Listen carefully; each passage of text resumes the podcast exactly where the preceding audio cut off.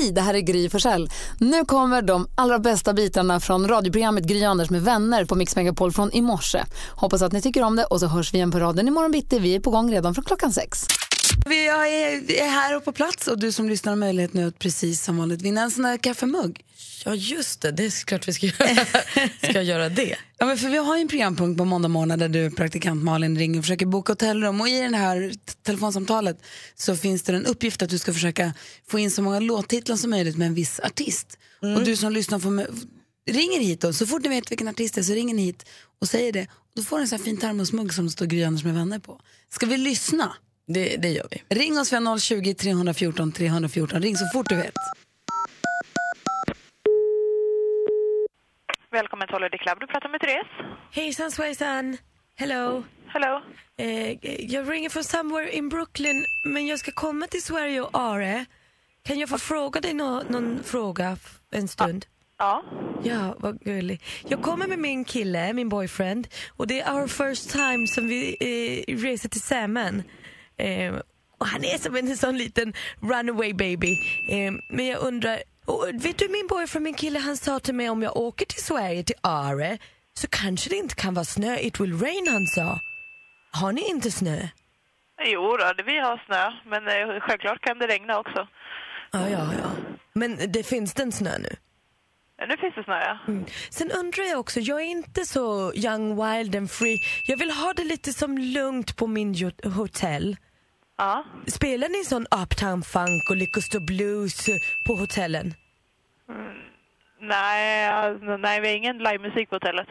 Nå, du är en sån snäll människa. Jag blir väldigt glad eh, för att jag tycker att du är snäll just the way you are.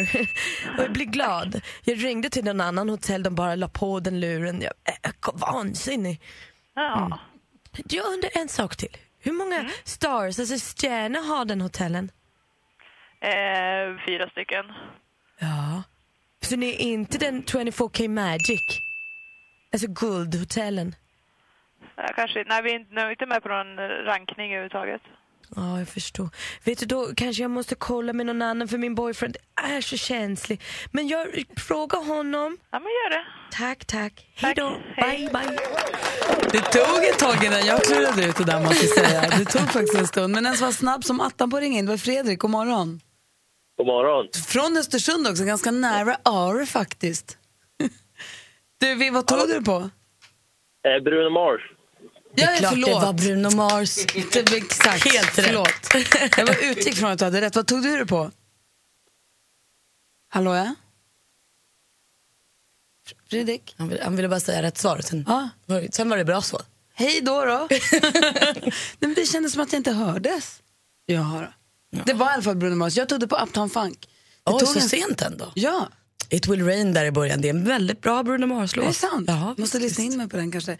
Fredrik försvann här. Jag vet inte riktigt vad som hände men vi ser till att han får sin kaffemugg ändå förstås. Såklart. Snyggt jobbat. Tack. Jag vill åka till Ara. Skulle inte du åka till Sälen? Jo, imorgon. Ah, härligt.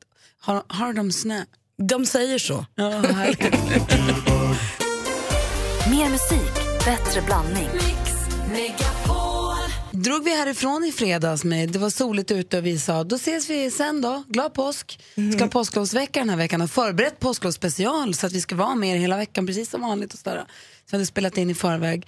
Men så hände ju det som hände i fredags, fruktansvärt eh, det som hände i fredags med, eh, last, med det här dåd, ohyggliga dådet. Mm.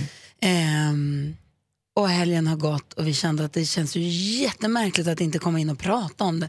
Man vill ju, det är det enda man har gjort tycker jag helgen, pratat om vad är det som har hänt? Vad, fa, vad fan var det som hände? Och varför och vem och hur och så. Mm. Eh, och då kändes det jättekonstigt att inte komma hit och prata med er som lyssnar på det här programmet och prata med varandra. Och jag tror många arbetsplatser vill, man vill så här, ses första dagen nu och så, prata om vad var man när det hände och hur fan kunde det hända? Alltså, Ja, men lite så. Jag tror också att man vill prata om det med varandra. Man vill också prata om annat. Man vill också skratta lite. Oh. Man vill också, alltså jag tror att man så här, vill tillsammans med dem man hänger med varje dag också försöka komma tillbaka till någon form av vardag. Ja, och jag hänger med er på Precis. dagarna. Jag tittar på producent Jesper nu. Anders är ju Dubai, han är ju och spelar ja. ensam golf. Fast Lottie är med, men han är på påsklov Men äh, vet du, växelkalle är här och Rebecka är här och du och jag och så Jesper. Och god morgon Jesper förresten. God morgon, god morgon. äh, Och sen så, och så, som alltid när det händer så här stora händelser, alltså gräsliga händelser, så tänker man så här, shit, vad var jag när det hände någonstans? Vad var du när det hände Malin? Nej men knäppt nog, alltså, jag var ju supertryggt förvar, men jag är aldrig på Drottninggatan. Alltså jag har inte hängt på Drottninggatan sedan jag var 14 år och alltid åkte dit och shoppat typ. Men nu har jag liksom aldrig vägarna förbi där egentligen. Men i fredags så gick jag, skulle till tandläkaren klockan 12 och då promenerade jag hela Drottninggatan. Alltså för ovanlighetens skull.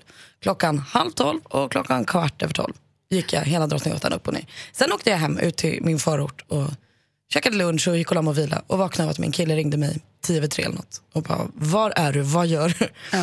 Ehm, och då när vi la på så hade jag så här 20 sms på telefonen. Ni vet våran slinga vi har här på mor- i vårt gäng. Var det massa sms och så massa kompisar som bara, vad gör du, hur mår du, vad gör du? Det är så konstigt och svårt att ta in för då, jag låg ju och vilade middag i min säng i trygghet liksom. F- Och så har det hänt så gräsliga saker på en plats där jag precis var. Jag var också, jag var också där precis innan, jag var där eller klockan ett. Alltså, jag är där ibland, inte jätteofta, men så korsar eller går där och handlar på Åhléns eller vad man nu gör. Ehm, men låg också och sov och vaknade till, också vid tio över tre Ja. typ och hade pushnotiserna och smsen. Så att, ehm, men det är det, det är det första man gör, det är att man tänker så här, var, fan, var var jag någonstans? Och när var är alla mina? och när var jag där senast? Och sen kommer nästa, vad är alla andra? Och så börjar man räkna in. Och, Förstås, för det är väl ett naturligt beteende kan jag tro. Eh, Du, eh, du som lyssnar nu då, var var ni någonstans? Ni får gärna, alltså, vi, känner ni att ni också så här, vill ringa och, och höra av er? Så är både Kalle och Rebecka här, vi har 020 314 314. Var var ni någonstans? Thomas Bodström kommer komma hit också. Det tycker jag känns jätteskönt. För jag, jag tycker man har så mycket frågor om vad som gör det till ett eventuellt terrorbrott och vad det är och vad som händer nu. Och, Ja, hur kunde man komma på det? Hur kunde man bestämma det så himla snabbt? exakt. Man undrar mycket när sånt här händer. Ja, och vad händer nu framåt? Också? Så Thomas kom in vid klockan sju. Som jag så nämnde tidigare så gick vi härifrån i fredags och kände att nu tar vi påsklov i några dagar. Skönt det ska bli. Men så hände ju det gräsliga i fredags och så kände vi i helgen att det känns jättekonstigt att inte ses.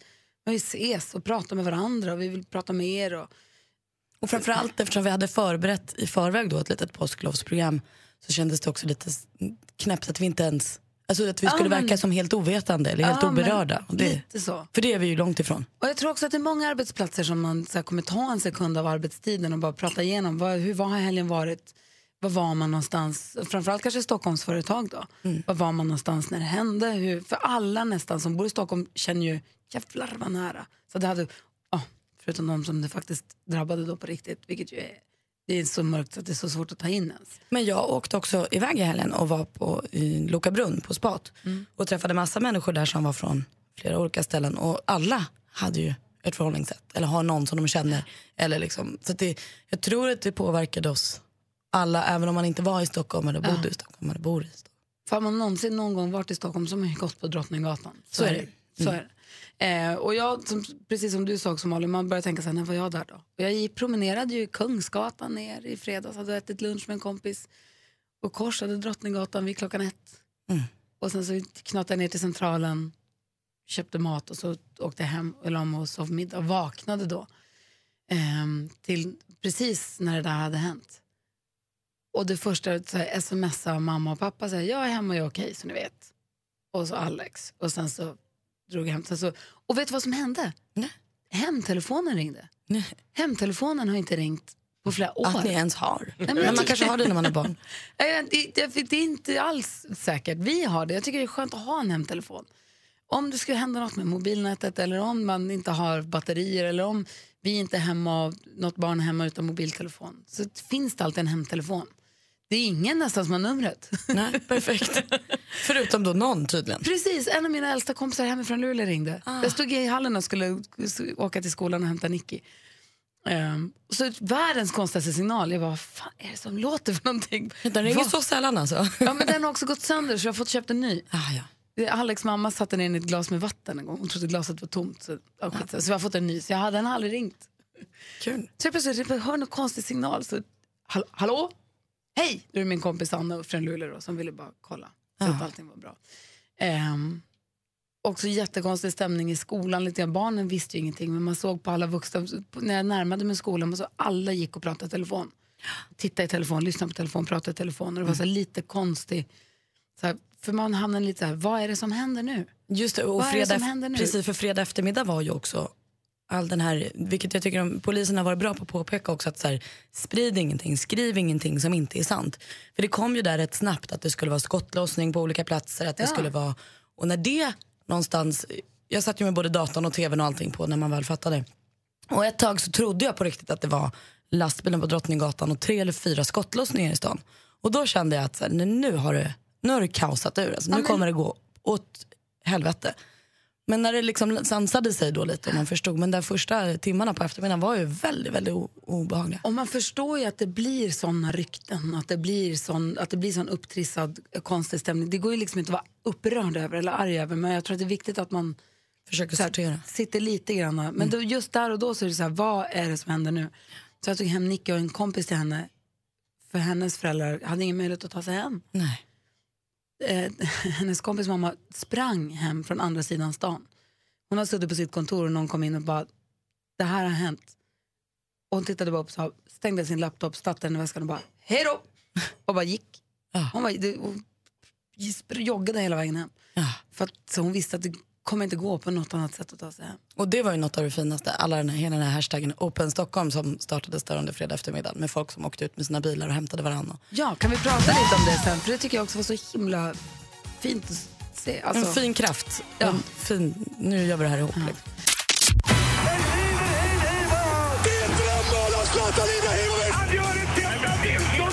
Sporten med Anders Timell och Mix Megapol. Hej, hej, hej! Äh, det blir med Malin nu, jag hann inte säga. När man minst anar det, då dyker jag upp med sporten bara. Är ni beredda? Ja, typ. Ja, för man vill ju ha sin sport. Ja, ja, ja. ja. Och det är ju himla spännande för SHL håller ju på att avslutas och nu är ju HV71 klara för final. Grattis till HV71. Tycker det är lite tråkigt. Jag tycker att Malmö Redhawks är ett fint lag. De har många tjusiga spelare. Eh, men det räckte inte hela världen, hela vägen. För i den femte semifinalen då vann HV71. 4-1 i matcher blev det. Och i den andra semin möter ju Frölunda Brynäs och där står det 2-2 i matcher och de möts ikväll och då har Frölunda hemmaplan. Så det är Skandinavium som får hockeyfest. Och i Premier League där var det svenskmöte igår. Sebastian Larsson härlig, fina ögon och sånt. Han spelar i Sunderland och de tog sig an Zlatans Manchester United. Zlatan, jag kan inte riktigt säga att han är lika härlig, men han är ju, vad han, han är ju Zlatan liksom. Sunderland förlorade. Zlatans Manchester United vann med eh, 0-3 då, då, säger man ju i sportsammanhang, för det var ju bortamatch. Men de gjorde tre mål, de andra gjorde noll. Ja, Okej, Zlatan gjorde 0-1 målet och passade fram till 0-3 målet. Eh, och sen sa han efter matchen, så ödmjukt som bara han kan, att han kände sig som Benjamin Button. Han bara, jag föddes gammal och kommer dö ung. Vad skönt. Såg också den här intervjun som florerat på honom på Facebook här förra veckan. Han bara pratade med sig själv som the lion. Alltså, han är inte klok i verkar osoft, men bra på fotboll. Sen måste vi också följa upp den här golfturneringen. Anders har ju pratat mycket om Masters. Just det. Eh, nu är det klart. Nu har han spelat klart. Och, Va, är det klart redan? Ja, ja visst ja. Eh, och den 81 Masters och den gröna kavajen går till Sergio Garcia. Var han med på de här tippningslistorna Jesper? Nej, det var ingen som trodde han skulle vinna. Eller, Nej, det jag var ingen. inte. Jag, och jag gick ju efter de som var eh, snyggast och hade bäst kläder. Ingen av dem kom på topp fem. Sergio är ingen fin eller? Ja, inte så jämfört med Tommy Fleetwood. Vilket hår. Du ser. Och Anders trodde ju han Jordan Spieth som han 2015 skulle vinna. Men det gjorde han inte. Utan det var Sergio Garcia och det här är man glad för för han är tydligen den evige tvåan. Han får aldrig vinna. Så nu fick han vinna och eh, Justin Rose kom tvåa och var glad ändå för sin kombo. Han tyckte att det var dags för eh, Garcia att vinna. Det var kul för honom. Vill ni ha ett skoj? Ja, gärna. Här kommer det. Vilket klädesplagg eh, framför bara sånger när det är riktigt kallt ute? Alltså, kalsongerna. Min tatta, såg ni inte den komma? Nej, faktiskt inte. Kul. Kalsonger är ett kul ord också. Tack för mig, hej! Ja, men då har klockan precis passerat sju och här i studion har ni mig. Jag heter Gry Forssell. Anders Timell. Och praktikant Malin. Och med på telefonen dess, denna påsklovsspecial har vi Malin ifrån Motala. God morgon. God morgon. Hur är läget med dig då? Jo, men det är bara fint. Hur är det själva? Det är bra tack. Vad önskar du dig i ditt påskägg så småningom? Ja, jag visste inte. Choklad kanske? Nej, Ja, jo, ett par nya örhängen. ja, eller hur? Det tycker du väl? Malin har med nu för att vara med och tävla i succétävlingen Jackpot deluxe. Och du kan ju vinna 10 000 kronor här i vår introtävling. Det gäller att känna igen alla sex artister. Är du beredd? Jajamän. Kom ihåg att säga artistens namn när du fortfarande hör den artistens låt. Jag kommer upprepa det du säger utan att avslöja om det är rätt eller fel. Jajamän. Då kör vi.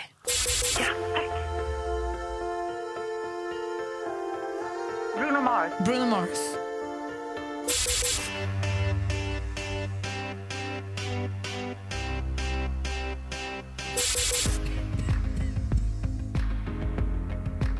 Adele.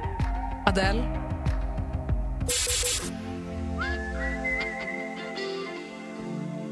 Eh, åh... Gud.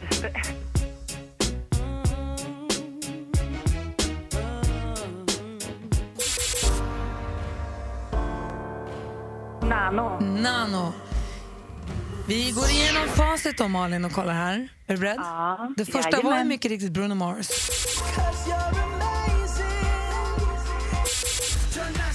Black Eyed Peas. Adele, två rätt och 200 kronor. Scorpions.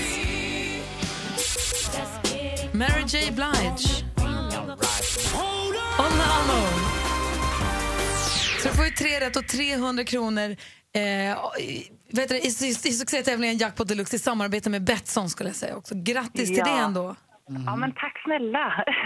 Och Malin, ja. vill du ha en liten påskpussis? ja, det är klart, Anders. Nu ska du få den. Beredd då? Ja. Puss, puss. Puss, puss, puss, puss, puss. Oj, oj, oj. Hej. Hälsa hela Motala, Malin. Tack så mycket. Malin. Hej då. Hej då. Måste släppa taget sen, Anders. Inte hålla fast så länge. Hold on. Mer musik, bättre blandning. Thomas Bodström som brukar vara med oss på tisdagar sa också att det är självklart att vi ska vara på plats idag. En Ja, det är ändå så speciellt det som hände i fredags och då, då ska Mix Megapol vara med helt enkelt. Ja, och det ska vi prata om också förstås den här morgonen. Vi har massa frågor till dig som Ja. du kommer få svara på. Men eh, en annan sak som hände på lördagen. Ja. På söndagen? På söndagen? Det hände en sak på lördagen och en sak på söndagen. Precis, på lördagen var det nämligen så att vår lilla växelkalle fyllde år. Jaha. Och på söndag var det gin och tonicens dag och Thomas Bodström fyllde år. Så ja må de leva, ja må de leva, ja må de leva ut i hundrade med blommor Oj, vad fina buketter ni får. Ett fyrfaldigt lever för killarna. Då. Ja, de lever visst. hipp hipp. Hurra, hurra, hurra, hurra! Växelkalle och Thomas Bodström har haft födelsedag i helgen. Grattis Kalle! Tack så jättemycket hörni. Grattis Bodis! Tack, tack. Blev du tack. firad? Ja, familjen. blev firad. Och Och Kalle- fick fina, fina hälsningar. Och Thomas står upp som att han tar emot ett tal. Ja, verkligen. Han struntar också helt i mikrofonen längre. Han bara pratar rakt ut tomma intet. Men Kalle, du fick fira som en riktig popstjärna. Jag såg att du firade på scen och det var någon publik. Du var ute och giggade? Ja, ja precis. Jag var i Borlänge och, och, och giggade med min kompis. Och det, ja, det var fantastiskt. Hela publiken sjöng Ja. och, och det kändes mycket kärlek. Gud vad härligt Kalle. Och Thomas, du blev också lite firad på söndagen. Jag blev firad av barnen och frun. Så. Ja, vad bra. Som det ska. Ja, vad bra. Vi har tusen frågor till Thomas Bodström. Är det förstås. i och för sig också, om man bara fyller 38, då är det inte så mycket att fira. Tur att du sa det. Eh, I helgen har vi också fått, det har kommit en hel del ny musik. Vi brukar ha skvaller vid den här tiden på morgonen. Vi låter bli det lite, men däremot så vill vi rikta lampan mot helt ny musik som vi har fått. Det vill vi. Och med anledning av det som hände i fredags så var det en av låtarna som skulle släppas där i helgen som höll på att inte släppas. För Oskar Lindros har ju bestämt sig för att skriva en psalm. Han är ju kul Oskar, han gör ju lite det han verkligen vill. Och den här skulle då släppas igår på Bodis födelsedag, på gin och tonicens dag. Eh, men då när Oskar Lindros äntligen lyckades ta sig hem i fredags eftermiddag så kände han, jag måste stoppa det här. Jag kan inte släppa en ny låt den här helgen. Men det var liksom för långt gånget, det gick inte. Det var för många led som då skulle stoppas. Eh, så då satte han sig ner och läste han öppningsraderna på låten och så kände han, nej men vi gör det ändå. Den handlar ändå lite om att allt ska börja om och sommaren kommer och nu måste vi liksom någonstans se framåt. Och då kände han, det kanske är precis vad någon behöver höra just nu. Vi så lyssnar, den igår. vi lyssnar lite grann på psalm för skolgårdar. Helt nytt med Oskar Lindros. Det känns i luften Det hörs bland folk Att junivinden kommer Att allt ska Oskar Lindros som också är veckans mumsman ju, blev han ju korad till i fredags. Jag är jätteglad att han släppte den låten. Jag tycker den har superfin text och jag, tycker, tror precis att det är Det är där vi behöver och vi vill höra just nu. Så jag är superglad att den kom. Och sjunger så fint också. Ah, så fint. Men och sen så var det också i fredags. Kanske det absolut viktigaste som är, alltså så här, musikmässigt som hände mig fram tills det blev mörkt i fredags var ju att Harry Styles från One Direction äntligen släppte sin första egna solosingel. Man fick ju vänta ända, ända till klockan nio på morgonen. Inte som alla andra att den kommer direkt när man vaknar utan till klockan nio fick man vänta. Och han sa att det här var som att föda barn. Nu vet jag inte om Harry Styles någonsin har fött barn, jag tror ju inte det. Men han sa att det var liksom väldigt nervöst och pirrigt och eh, bortsett från smärtan, precis som han tror att det är att föda barn. Eh, svinbra tycker jag att den är. Folk pratar om Queen, Prince, alltså så här stor, rockigt. Ja, och lite Bowie på något konstigt sätt. Vi kliver in lite grann i låten, så här låter den.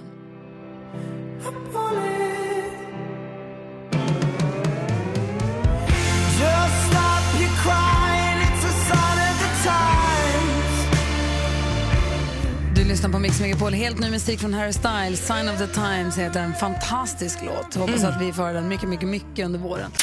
God morgon, Bodis. God morgon. Praktikant Malin och jag, vi är jätteglada att du är här för vi har så mycket frågor om i och med att det här gr- gräsliga attentatet eller dådet eller vad ska vi kalla Ja. det som hände i fredags. Mm. Ehm, så undrar jag bara, innan vi pratar vidare, vad är det som skiljer ett vansinnesdåd som vi läste om 2003 när det var en kille som Just hoppade i en bil och körde längs Mm. en gågata i Gamla stan Mm. och mejade ner folk. Det var direkt ett vansinnesdåd och man började prata om psykvården, neddragningarna i psykvården och så. Och det här, var, det här är direkt ett terrordåd. Vad är Ja. det som skiljer ett Alltså, vansinnesdåd så från ett terrordåd? Att, eh, terrorism det har ju liksom funnits i alla tider, men det har inte funnits någon riktig definition. Man be- benämner det på olika sätt. Eh, sen ett antal år tillbaka så har i alla fall alla EU-länder bestämt sig för vad ett terroristdåd är. Och det finns alltså i lagen. Och då, om man läser det, då står det just att alltså det här är till avsikt att skada en stat, då ett land eller mellanstatlig organisation. Alltså det finns ett syfte. Och dessutom så är det för att injaga allvarlig fruktan hos befolkningen. Alltså man- vill skrämma människor. Eller på något sätt få eh, ett samhälle att reagera. Alltså det är ett politiskt eh, dåd helt enkelt. Eh, och då, då är det just ett terroristbrott. Sen är det vissa då brott kopplade till det, till exempel mord och mordbrand och sådana saker. Det är det som skiljer det här från Gamla stan. För det som skedde där, det fanns inget, inget som tydde på att han gjorde det här för att liksom vilja påverka framtida Sverige på något sätt. Utan det var just ett vansinnigt dåd av en psykiskt sjuk människa. Om, om vi blickar tillbaka till det fruktansvärda som hände på Ikea då för några år sedan. Men Mm. jag vill minnas att det var exakt samma som här då, att det var någon som hade blivit utvisad ur landet och ville visa sitt missnöje. Hade det idag Han rubricerats... högg ihjäl Precis. Ja, nu Hade det kan vi idag inte alla rubricer- detaljer om det. Nej, men hade det Mm. idag likväl kunnat rubriceras som ett terrorbrott? Om, om man hade gjort det just i syfte för att påverka Sverige eller just göra så att alla människor ska bli rädda, då hade det kunnat bli terrorist. Men det har säkert prövats av Ah, okej. polis och åklagare innan man åtalades. För då fanns terroristlagen på plats. Ja, jag fattar. Så att det är inte bara att man använder sitt missnöje utan, utan det är just terroristdådet. Det finns liksom en politisk dimension. Man försöker påverka eh, ett samhälle. Och har vi då Störa land- ett samhälle kan man säga. Har vi då gemensamt nu, har polisen utlyst det som hände i fredags som ett terrorbrott? Men saken är ju att ingen kan göra det säkert för en domstol har fastslagit det. Sen kommer en åklagare Det är domstolen att som bestämmer det? Absolut. Aha. Det är åklagaren som kommer att åtala den här personen för terroristbrott och det är jag säker på att han kommer göra. Och jag är också säker på att han kommer att eh, fällas därför polisen verkar så väldigt, väldigt säkra på det.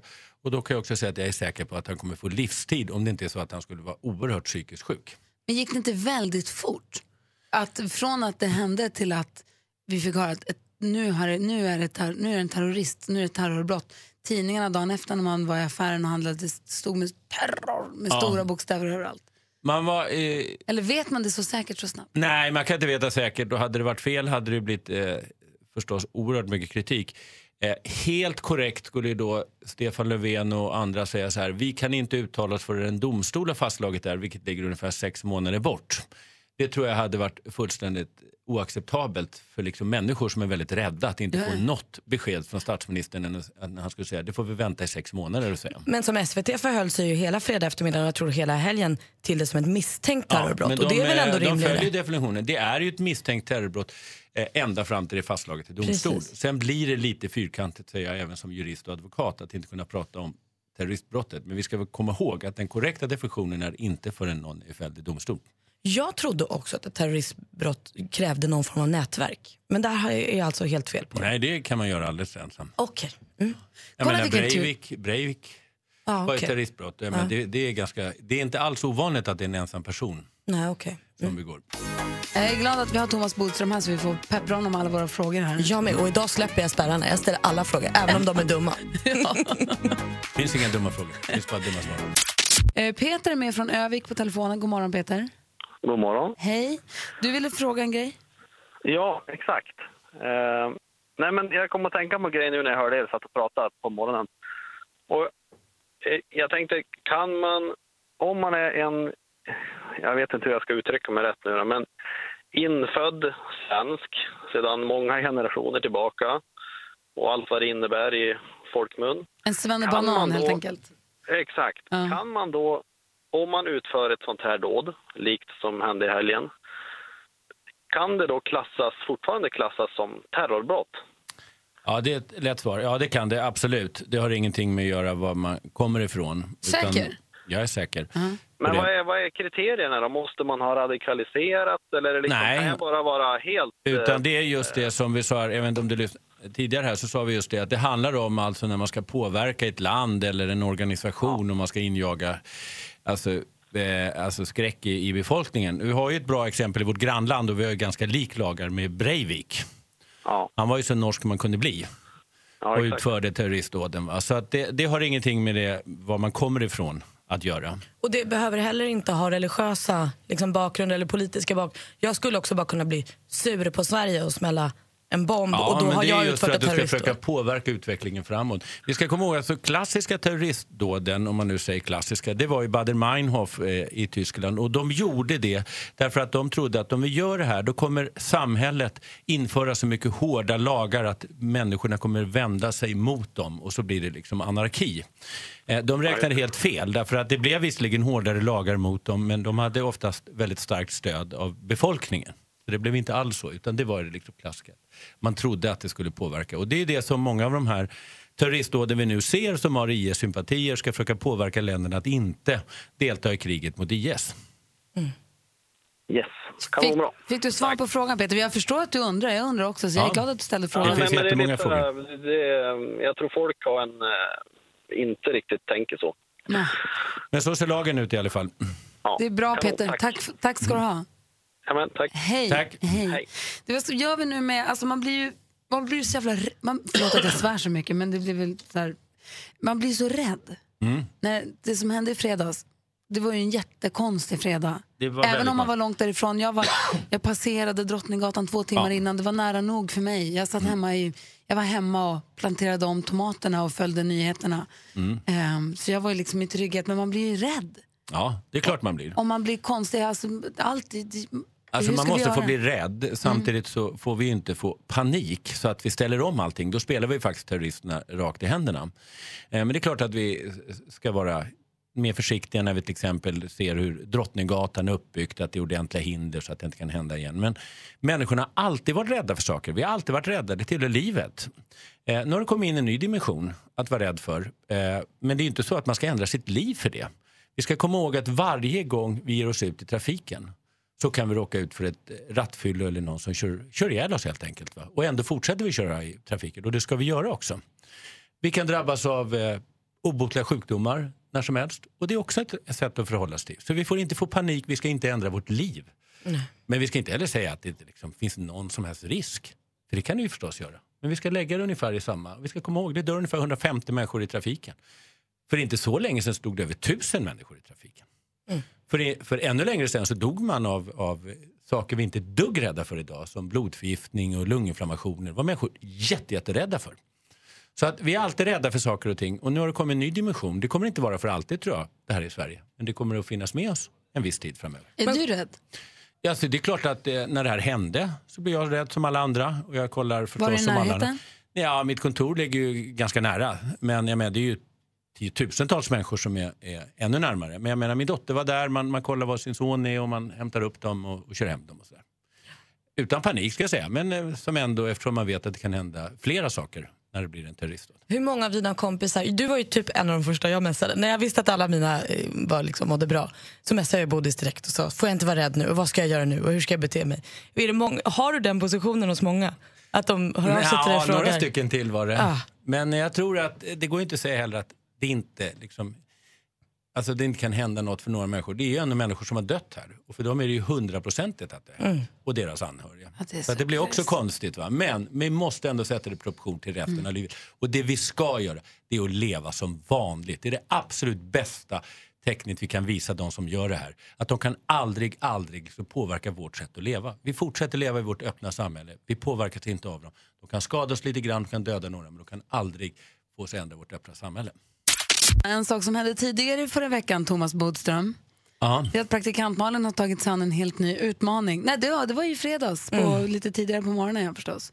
Då ringde nämligen en eh, tjej som heter Ulrika Ja. hit och hade ett litet erbjudande till Malin som föll för grupptrycket på ett härligt sätt. Ja, det, var, det var nästan taskigt Botis. Alla sa kör, gör. Nej men hon var så himla snäll. Hon sa du kan få åka, köra Vätternrundan. Och hon skulle, Vätternrundan?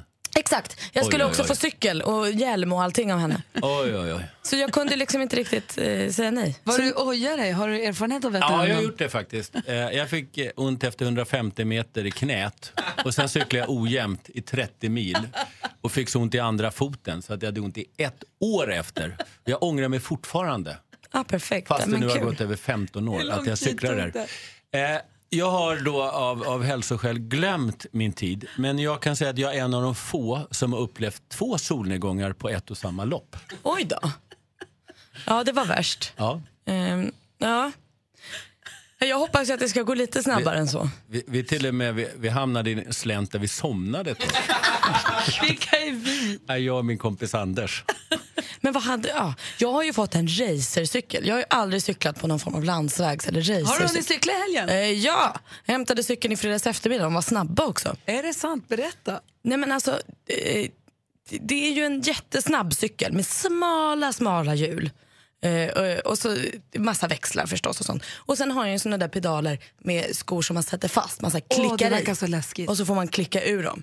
Och det alla sa i cykelaffären och även vår chef Alex som har cyklat sa så här, du kommer ramlas. Det kommer ram- Okej, jag kan väl cykla liksom. Man har väl cyklat förr. Så igår så skulle jag ta en premiärtur. Jag tog på mig mina skor med de här grejerna och eh, min cykel och min hjälm. Och så cyklade lite. Så sa jag till min kille när jag var ute och cyklat att du det här med att de säger att man ska ramla när man liksom klickar in. Det är det enda man tänker på är att man sitter fast. Så det kommer ju liksom inte vara ett alternativ. Det är inte som att jag glömmer att jag sitter. Jag tänker på det hela tiden att fötterna sitter fast i pedalerna. Sen skulle jag stanna, då klickade jag ur ena, tappade balansen. Åh, för. Alltså, som ett skolboksexempel på det alla har sagt. Så jag har ju skrapsår på hela knäna. Ja, visst. Får se. Jag har fått sova liksom med benet utanför täcket hela Du natten. är och- barn. Du är som en skorpa som ett barn. Ja, det har jag. Så nu vet jag exakt. Och så la jag ut en bild på det här på Instagram. Då fick jag direkt svar av Martin Stenmark, vår gamla kompis. Ja. Som också har cyklat mycket och skrev det händer alla. Vi har alla varit där. Det är därför man inte ska hålla på med sånt där. Men Jag lär hände mig just ju. det faktiskt inte, för jag cyklar så långsamt. Jag kunde sätta ner fötterna var som helst. Ja, men då måste man hinna Och jag klicka hade dem. inte några såna här läskiga klickskor. Men vet du vad hon har sagt också? Nej. Malin, att om hon går i mål på Vätternrundan, Ja, då går hon vidare. Då kör hon hela svenska klassikern. ja Då men är Vätternrundan är ju det värsta. Exakt. Ja, Vansbrosimningen är faktiskt inga problem. Nej men det- man kan ju simma ryggsim hela vägen. Ja, jag simmade i och för sig betydligt, betydligt, alltså bara lite, lite fortare än en stock som de hade. Men det gör jag Som med. de lät flyta med Vansbrosimningen. Det gör inget. Jag vann med 45 sekunder. Jag ser så mycket fram emot det här ska bli så kul. Mer musik, bättre blandning. I studion är Gry. Praktikant Malin. Thomas Bodström. Och vi har vår producent Jesper på plats, assistent Johanna här, växelkalle, växel-Rebecka också. Så att vill du ringa oss så är det bara att göra det. Vi har 020 314 314. Eh, vad, vad är det som händer nu? Man har den här 39-åringen, vilket ju väl är jätte, jättebra. Ja, Att man fick fast honom och vid liv. och att han är vid liv ja. Ja. Så att han eh, ändå kan berätta Ja. varför han har gjort de här fruktansvärda sakerna. Och han har erkänt, är det så? Det läser vi i tidningarna. Det vet, man vi om det är inte, sant? men det jag kan i alla fall tyda det är att polisen är ju väldigt, väldigt eh, liksom, säkra på sin sak. Och det brukar de inte vara. Så att antingen har han erkänt eller så har de extremt bra bevisning tror jag i form av DNA och glassplitter. Och I han, tidningarna står det väl att han har supererkänt. det står att han har erkänt, ja. Precis, men det det stod vet man faktiskt redan inte. i fredags. Ja. Eh, Men det är sådana saker man, det är inte riktigt så säkert som man kan tycka. För han kan säga så här, det är klart jag sa det för att provocera eller jag sa det för att liksom... Mm. Ja, utan det måste, det, och det räcker inte för att döma någon, utan då måste man också ha annan bevisning. Men Det man också vet är ju att han blödde, han blev själv skadad och det är ju antagligen en oerhört stark bevisning. Mm. Och så DNA förstås. Och Så bevisläget verkar bra. Det som händer är att han idag, skulle jag tro, kommer att eh, begäras häktad. Han kommer att bli häktad på sannolika skäl.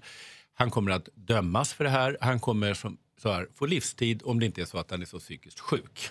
Och han är ju de facto utvisad från Sverige. Kommer han få sitta av sitt straff i Sverige eller i sitt Man hemland? kommer inte utvisa honom nu därför att mm, vi har inte det avtalet med Uzbekistan eh, och det gör att vi inte heller litar. Vi vill ju vara försäkrade om att han verkligen avtjänar straffet. Så han kommer sitta här Så i... varför, varför, skickar man inte, varför utvisar man inte honom? Jo, därför att man, om han döms till livstid här, vilket han kommer göra, då vill ju vi vara säkra på att han får livstidsfängelse också. Ja, men vadå, 12 år minus hälften, ut efter sju. Nej, han nej, har nej, lite, nej, han kommer sitta många, många fler år än så. Det känns som att livstid, alltså nu kanske jag är full av fördomar förstås, men det känns som att livstidsfängelse i Sverige låter som en semester Han har jämfört nog med det han chans förväntar sig i att, att få det här Uzbekistan. omvandlat och jag skulle tro att det ligger på 30-35 år. Eh, om han inte anses så farlig så att han får vara kvar längre.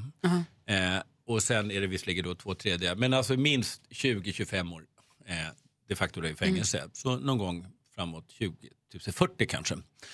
Det vet Bra. vi inte. Men eh, alltså vi utvisar bara personer till länder vi har ett samarbete med som garanterar att människorna sitter i fängelse också.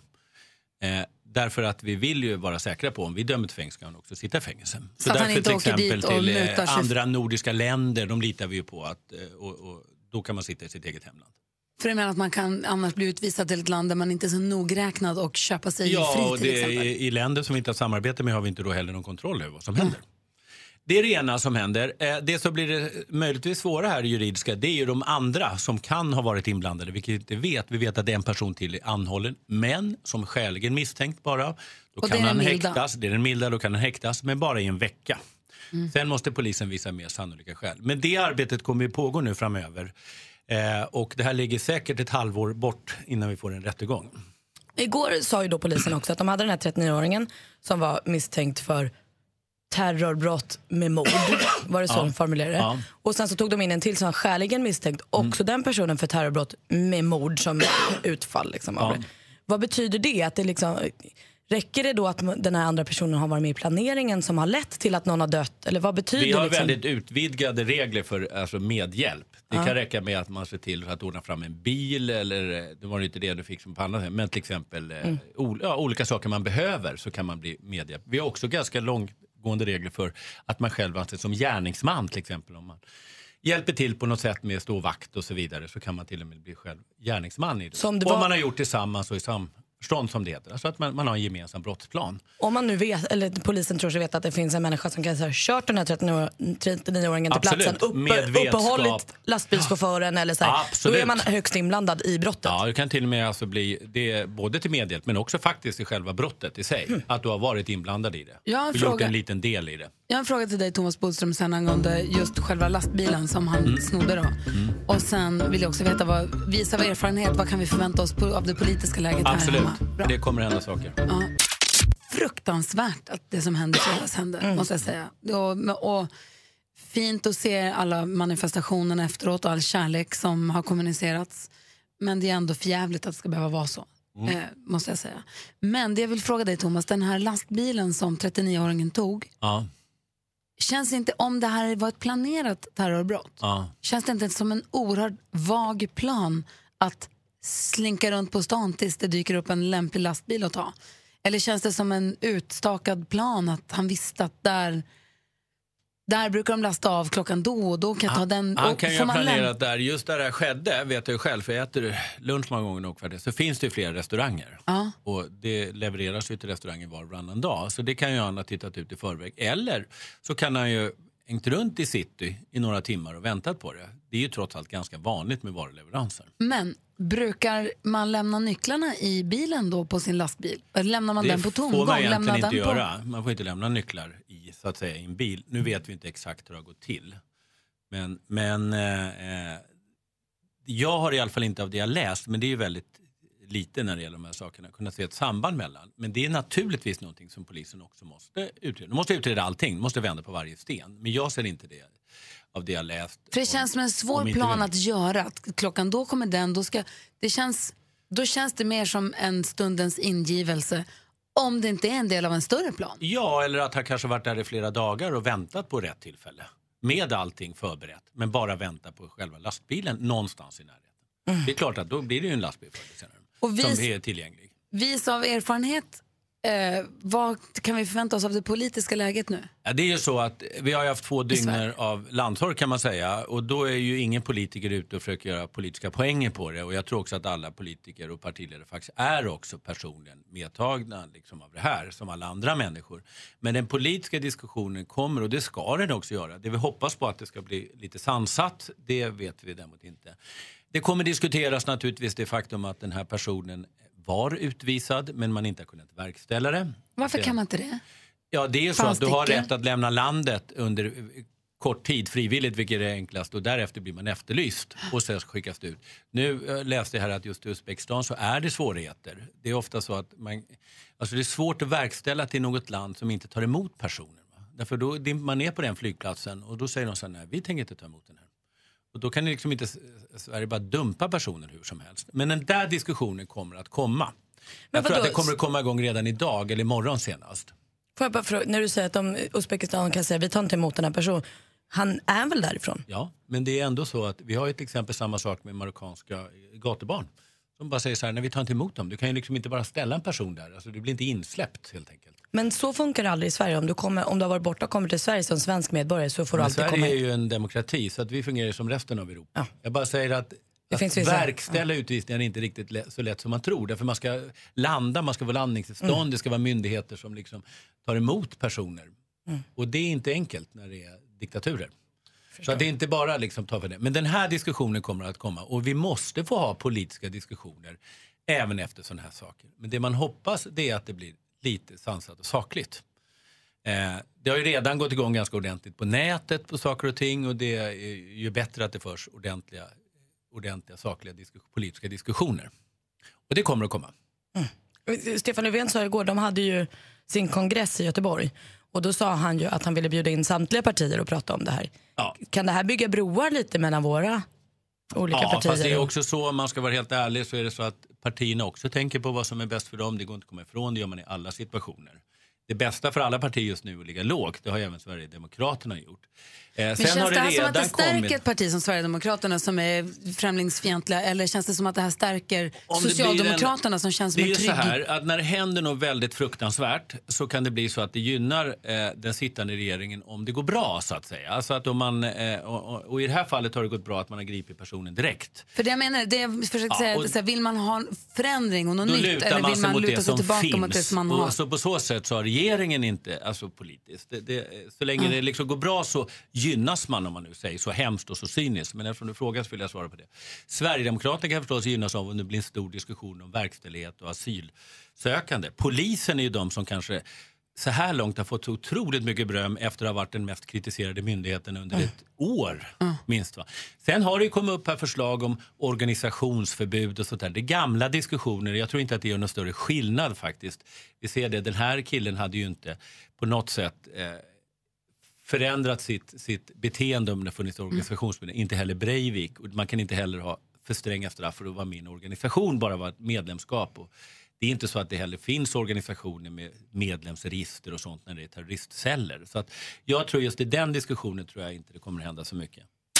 I fredag, ja, vi sa det tidigare i morse, både praktikantmalen och jag, vi låg i våra hem och sov middag precis när det hände. Hade båda passerat Drottninggatan bara någon timme innan. Ja. Men var hemma i, i hemmets trygga vrå.